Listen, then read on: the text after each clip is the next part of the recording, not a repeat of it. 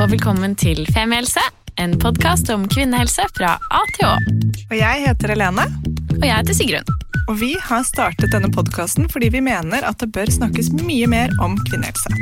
Så la oss snakke. Hei, Helene. Hei, Sigrun. Hadde en rar plan for en intro som blacket ut i hodet mitt, som veldig mye annet gjør. Sigrun ville gjerne gjøre en intro og sa at hun skulle begynne med en julegave fra i fjor. Jeg tenkte på sånn, take it away. Aner ikke hva du prater om akkurat nå. Men uh, noe. Nei, det jeg egentlig hadde tenkt, og som jeg skal gjøre nå, er å begynne på den historien. Det ble bare rart å begynne på historien uten å først begynne. Men nå har vi begynt. Nå har vi begynt. Ja. Nei, for i fjor jul, der begynner denne historien for Forrige meg. fjor eller fjor? Ikke, så, ikke pirk nå, Nei, så altså, grusomt mye. jula Julen 2019. 2019 til 2020. Ok, greit. Det tidsrommet er vi nå. Okay. Der begynner denne historien for min del. Ja. For da eh, sykemeldt fra jobb, gravid, trøtt, deprimert, lav på livet. ja. Og så får jeg en julegave av Helene. Og den julegaven er to ting. For det første et opphold for to, oss to selvfølgelig, på Lysebu hotell. Som var bare helt magisk på alle mulige måter. Så det er den perfekte bestemorferien. I nær avstand fra Oslo. T-banen opp til Frognerseteren. Smack ut i bassenget. Og ja, opp på hotellrommet og se på TV. ja, akkurat det blir det. Det var helt nydelig. Eh, og del to eh, var en litt mer eh, livsgnistig gave. Eh, som du egentlig introduserte med å spørre om eh, jeg hadde tenkt å dra på det nye showet til Sigrid Bonde Tusvik som skulle komme høsten etter. Jeg sa nei, det er jeg ikke så keen på, egentlig. For det var din måte å sjekke om jeg hadde kjøpt billetter på, for det hadde du kjøpt til meg. Så da følte jeg at jeg hadde nailet gaven. Perfect.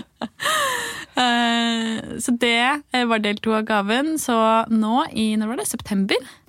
Så, ja, September-oktober. Ja. September-oktober så var vi på Isakaya og drakk drinker og spiste bitte litt mat.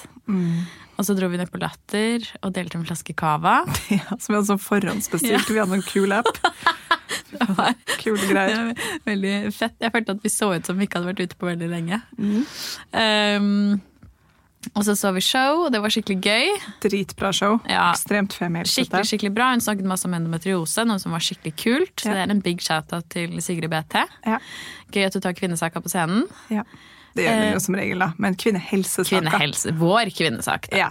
Så som var skikkelig gøy. Og så ble vi jo veldig sultne, selvfølgelig, for vi hadde bare spist bitte, bitte litt mat og drukket masse alkohol.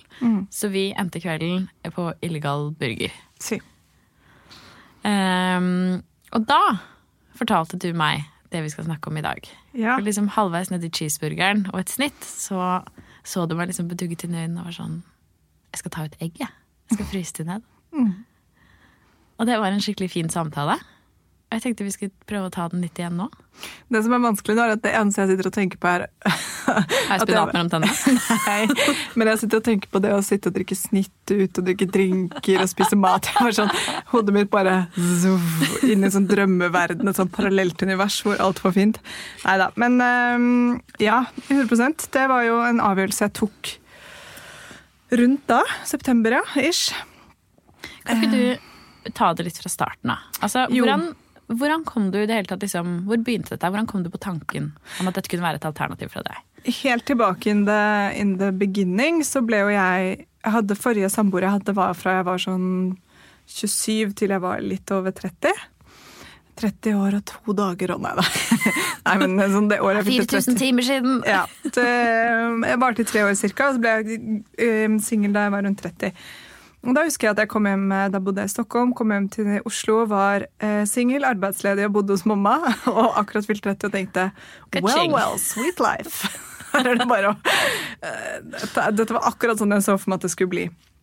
Men samtidig så husker jeg at jeg da tenkte Men 30 er ingen alder. Og for meg er, er fortsatt ikke 35 heller noen alder. Altså, jeg har ikke noe skal si, aldersangst eller sånne ting. Og jeg syns 30 var ungt. Og jeg, hadde, jeg har aldri sett for meg å få barn tidlig, eller egentlig å få det i det hele tatt. Altså, det har ikke vært en sånn derre Har du ikke hatt en plan? på en Nei, måte? Du har aldri. ikke sett for deg at liksom, og så Nei. er det liksom et naturlig steg? Nei. Det, nei, egentlig ikke. Og jeg tror det er fordi hver gang jeg tenker på barn, så tenker jeg på å hente i barnehage. Og da blir jeg bare sånn, fy faen. Jo, det er helt seriøst. Jeg orker ikke, tror jeg. Ja, men jeg, jeg, jeg romantiserer det ikke. sånn at jeg tenker alltid bare på liksom snørr og øh, sånne øh, Sherrox-dresser. Typ, liksom. Bare sånn der, eh, Jeg vet ikke. Um, Så du er ikke en av de som har hatt den der fysiske følelsen at nå må jeg formere meg? jo, den har kommet og gått. Og den har i hvert fall vært til stede med partnere. Så da den samboeren det ble slutt med, da hadde jeg da fant jeg, drømte jeg om liksom, hvordan vår baby kunne sett ut. og hvordan det kunne vært. Men da bodde jeg i Stockholm, og det var så tydelig for meg at jeg hadde ikke lyst til å starte en familie der borte, langt fra min familie og mine venner. Så da valgte jeg på en måte bort det livet og han for å komme meg hjem til Norge. Det var viktigere for meg enn det. Som jo kanskje også sier litt om hvor viktig det var for meg. på en måte. Men uansett, da kom jeg hjem, og da var jo tanken litt sånn Da husker jeg at jeg begynte å leke litt med tanken om å ta en fertilitetstest og finne litt ut av hvordan ting, hvordan ståa var, og om jeg skulle fryse ned og ikke og sånn. Og så og det da som sikkert dere som hører på, så vet ikke lov i Norge. Jeg måtte dra til Danmark eller Sverige og gjøre det. Og parallelt med dette så var det en annen venninne av meg som jeg tror også da var ganske nysingel, og som hadde vært på noen sånn firmatur borte i Stockholm og undersøkte faktisk liksom, mens hun var på firmaturen, og så booket inn time hos en sånn fertilitetsklinikk for å snakke. Hvor hun hadde blitt litt sånn avskrekket fra å gjøre det fordi at det, på en måte, han hadde gjort regnestykket for henne. ikke sant? Hvis du får ut ti egg, så er det syv vi kan fryse. Og så er det fem som overlever det, og så er det tre vi kan befrukte.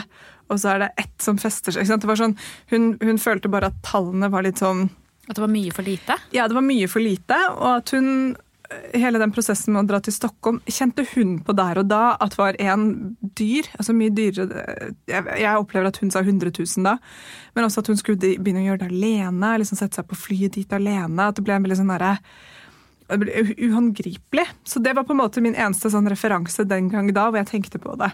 Og i og med at jeg går jo til gynekolog en gang i året, kanskje mer, og liksom tar celleprøver og sjekker at alt er i orden, så spurte jeg jo alltid sånn ja, hvordan ser det ut? Kan dere se at hvordan jeg har, Kan du se egg og sånn? Altså, alt ser normalt ut. Vi kan jo ikke vite det før vi begynner å etterforske litt her, eller før du faktisk prøver å bli gravid, men alt ser normalt ut. Og så tenkte jeg for meg selv, jeg husker en sånn litt sånn dark time hvor jeg hadde vært masse på Tinder og datet masse, jeg bare virkelig ikke fant noen det klaffet med, og bare kjærligheten er bare ikke for meg.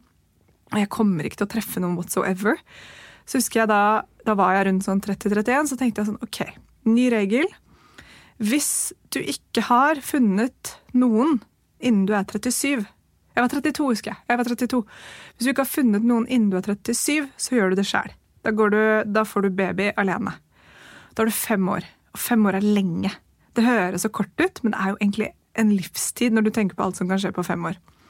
Og det ga meg veldig ro da, å tenke på sånn, vet du hva, Jeg forskyver hele den derre barn og hva som kan skje fram til jeg er 37, og så kan jeg ta et nytt valg når jeg er 37, en ny diskusjon i mitt eget hode på om Pause tankestrømmen Pause nå. tankestrømmen 100 Dette skal ikke være med meg i hverdagen.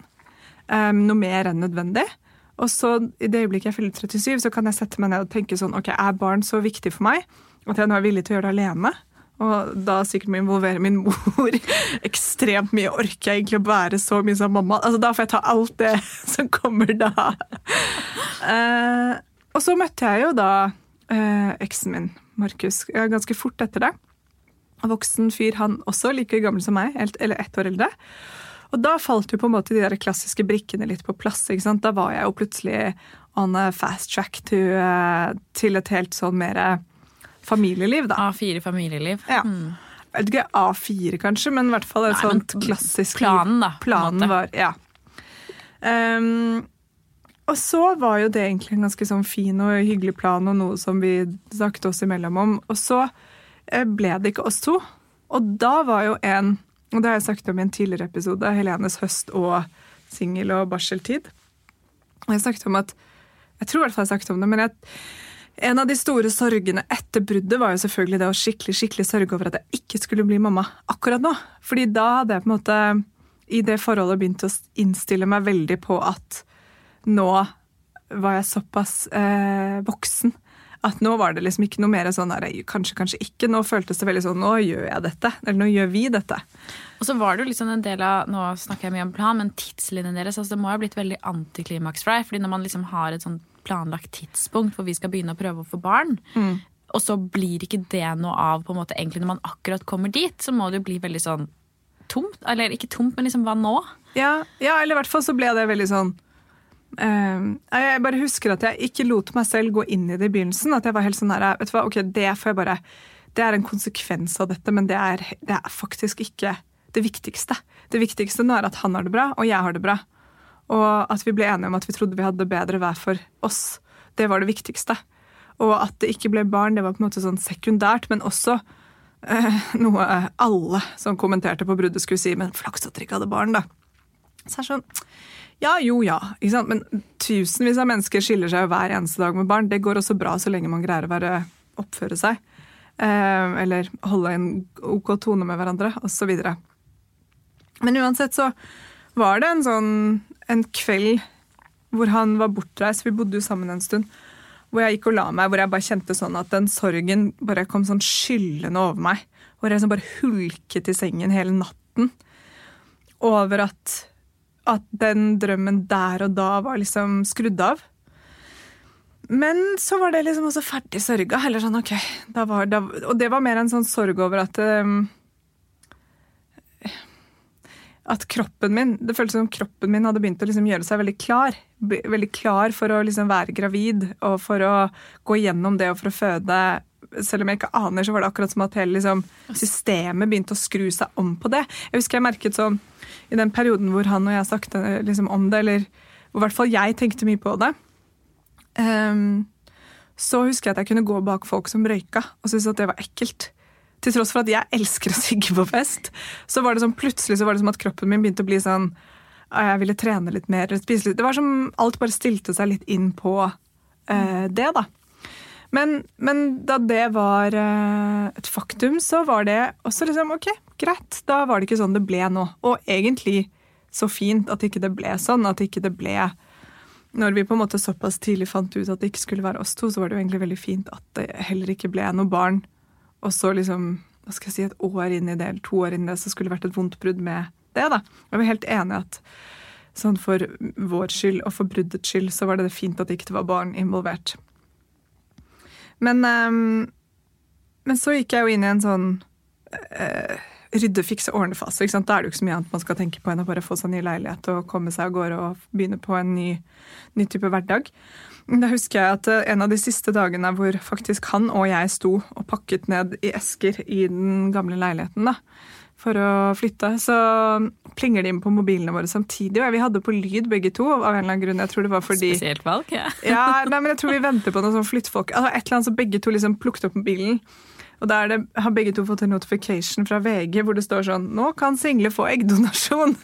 Og han bare 'Way, det er perfect timing'. Og jeg bare Thanks. det var da selvfølgelig en notification på eh, Litt galgenhumor i det, da. Ja, ja, 100% Det var jo bare gøy. Og faktisk at jeg ble glad da jeg leste den meldingen. fordi For meg så var det jo sånn et perfect timing på at bioteknologiloven endret seg i det øyeblikket jeg i en alder av 35 ble singel. Så da var det jo plutselig en helt sånn der other window of opportunity som kom fram.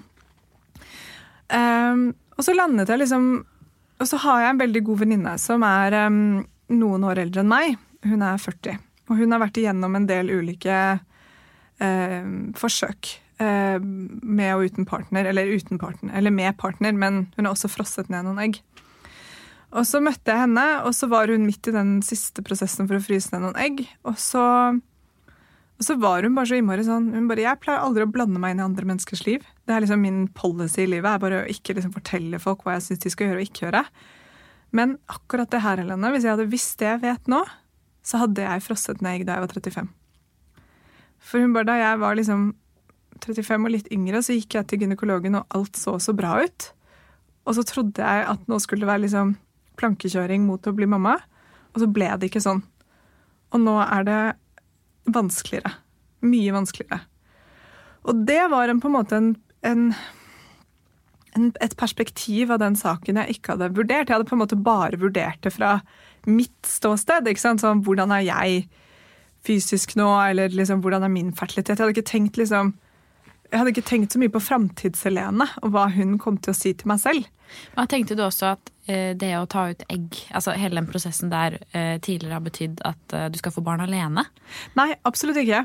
Bare at jeg da Det har jeg faktisk aldri tenkt. Um, jeg har liksom egentlig ikke tenkt så mye. Jeg har ikke tenkt så mange lange tanker på dette. Nei. Um, men jeg har, men, jeg har så, så da, egentlig etter den samtalen med henne, så ble det veldig sånn, det krystalliserte seg veldig fort hos meg at dette skal jeg gjøre. Og så snakket jeg med litt forskjellige venninner og folk rundt meg om det. Og, og, da var det en som sa at hun hadde vært i prosess for å ta fertilitetstest rett før korona traff. For å ta en fertilitetstest her, og så dra til Gøteborg og fryse. Uh, og at hun hadde snakket med sin fertilitetsklinikk, og de sa at selv om loven er endret nå, så tar det litt tid før vi får rigget oss. Pluss at alle våre svenske kollegaer som skulle komme over og jeg, lære oss opp, eh, har jo ikke kunnet komme på grunn av korona, så ting tar litt lengre tid nå. Men den, altså, det å fryse ned egg er jo i praksis bare første delen av et IVF-forsøk. Så det er jo ikke som at dette er noe nytt i Norge whatsoever. Dette har blitt gjort i mange, mange, mange, mange år.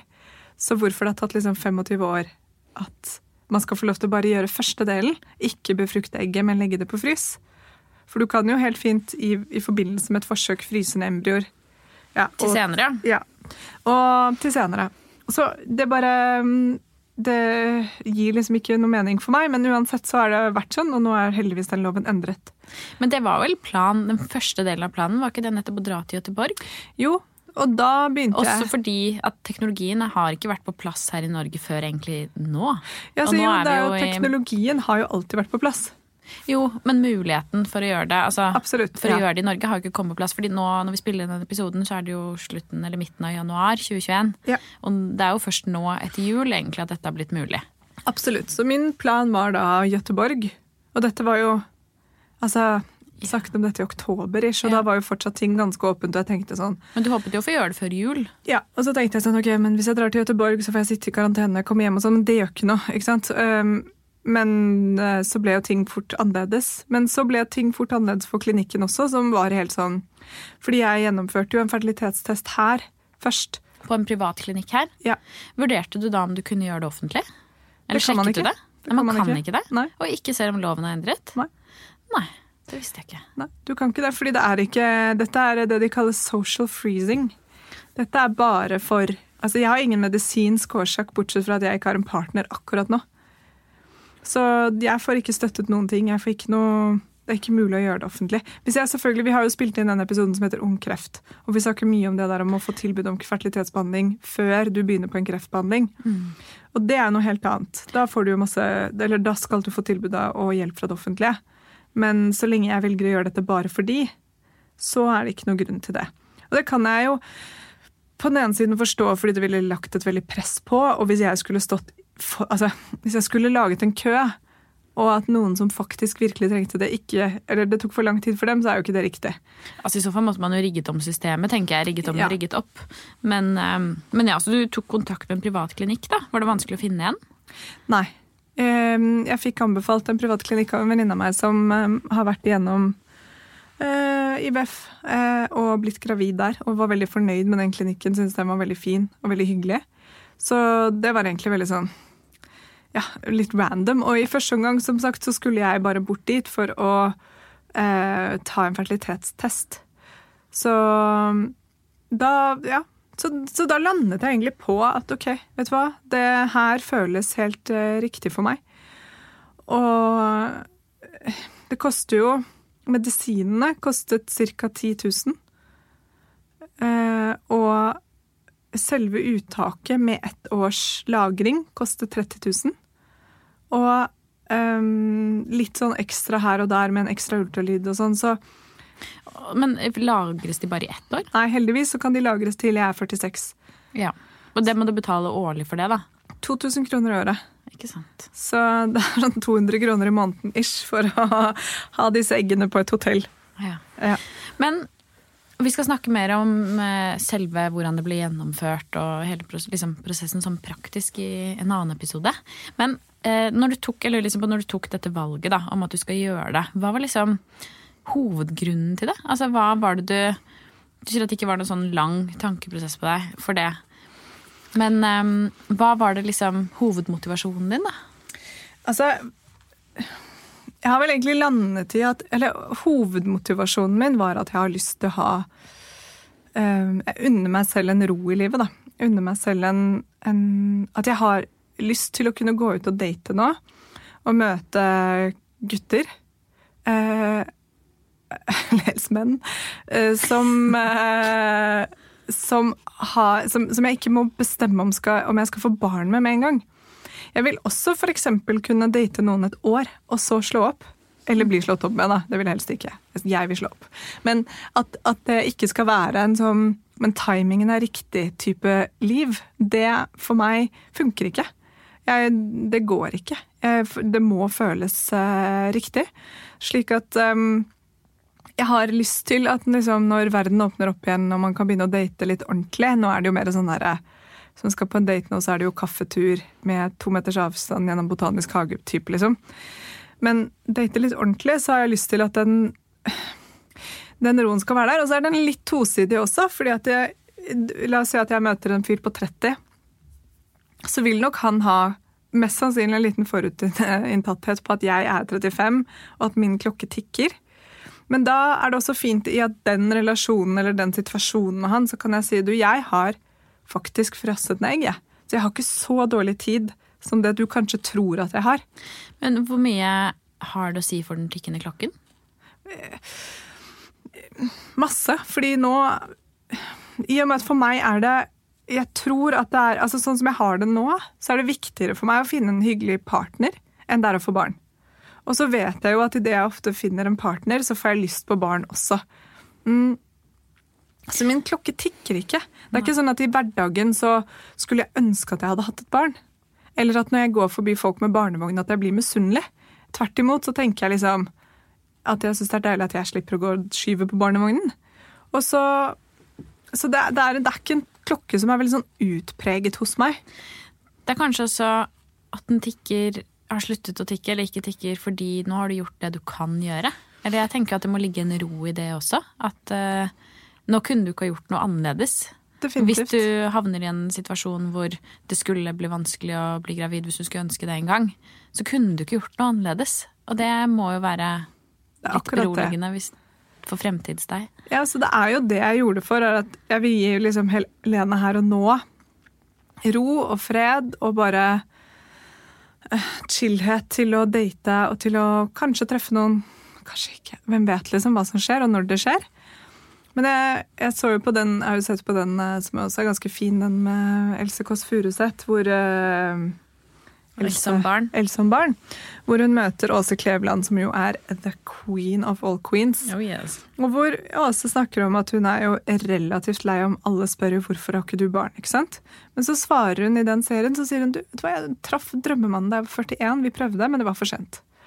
Og så er jo da, Det der er jo interessant, for at hun har levd som hun selv sier, også et skikkelig Eller lever, altså hun er jo ikke gammel.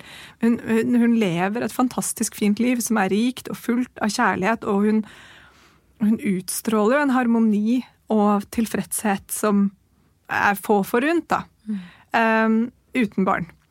Samtidig som at det sikkert har vært en sånn kjempeprosess for henne som jeg ikke skal spekulere i, men det er, sånn der, så det er ikke sikkert at hennes liv hadde vært noe bedre hvis hun hadde hatt masse egg på frys og så fått et barn med han drømmemannen Nei. da hun var 42, liksom. Men den muligheten er så fin å ha, og da kan man heller ta det valget sammen der og da. Hvis jeg da i en alder av 43 da, bare møter liksom bare Fy fader, det fine mennesket. Og jeg får skikkelig lyst til at vi skal få liksom ett barn sammen, så jeg også kan være med å oppleve hele den der til barnehage-greia som alle snakker om. Snørre og spy og ja, Og liksom slippe å sove og alt det der. Men øh, da har jeg den muligheten. Kanskje. Hvis du hadde møtt øh, hun venninnen din, da, som vanligvis ikke pleier å legge seg opp i ting, men som gjorde det nå, mm. for ti år siden, skulle du ønske at du hadde gjort det før? på, på en måte nei, så følte jeg liksom at eh, hele universet bare liksom samlet seg om dette øyeblikket og nå. fordi at jeg er en av de første, uten å få avsløre for mye, men jeg har jo faktisk gjort dette nå. Så kan vi komme litt tilbake til hvordan alt det har vært. i prosessen. Har du gjort det? Jeg har gjort det. Neida, jeg har gjort det. Men eh, jeg er jo ikke den første i Norge som gjør dette, absolutt, men jeg er i den der første rushet etter jul hvor klinikken har åpnet opp for det etter bioteknologilovens endringer. Um, og jeg har jo snakket med også gjennom Femihelse folk som har gjort det i Sverige og Danmark. Så ja, altså På en måte så syns jeg jo Jo mer jeg har lært om dette og vært igjennom dette nå, så tenker jeg jo sånn Fader, så digg det hadde vært å bare gjøre dette da jeg var 25. Og virkelig liksom hadde en toppkvalitet på eggene og ja, jeg vet ikke. Bare hatt det i banken hele tiden. Kanskje jeg hadde levd annerledes, kanskje ikke. Kanskje jeg hadde hatt mindre tanker og stress om ting, og kanskje ikke. Men jeg vet ikke. Hvem vet? Hvem vet? Det er jo noe med før det blir Altså Om man gjør det man er yngre, det er jo på en måte også litt et spørsmål om hvorvidt det er nødvendig, eller om man heller skal leve som at man kanskje møter noen man har lyst til å få barn med. Altså, Ja. ja, det vet ikke. Det er jo ikke noen fasit på det.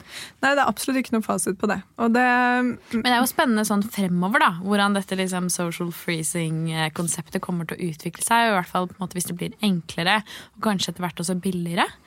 eh, Mer tilgjengelig, på en måte, om det er noe flere kommer til å benytte seg av.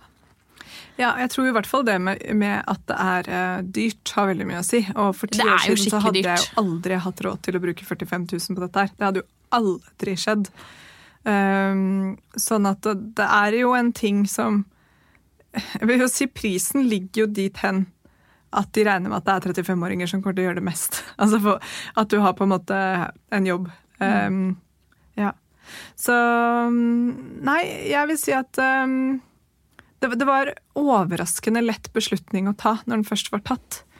Men så har jeg jo brukt masse, masse tanker og energi på å komme opp til selve behandlingspunktet. Altså sånn selve sånn Nå skal det begynne. Jeg har gruet meg så mye. Jeg har liksom tenkt så mye på det. Det har vært en veldig stor del av livet mitt de siste månedene.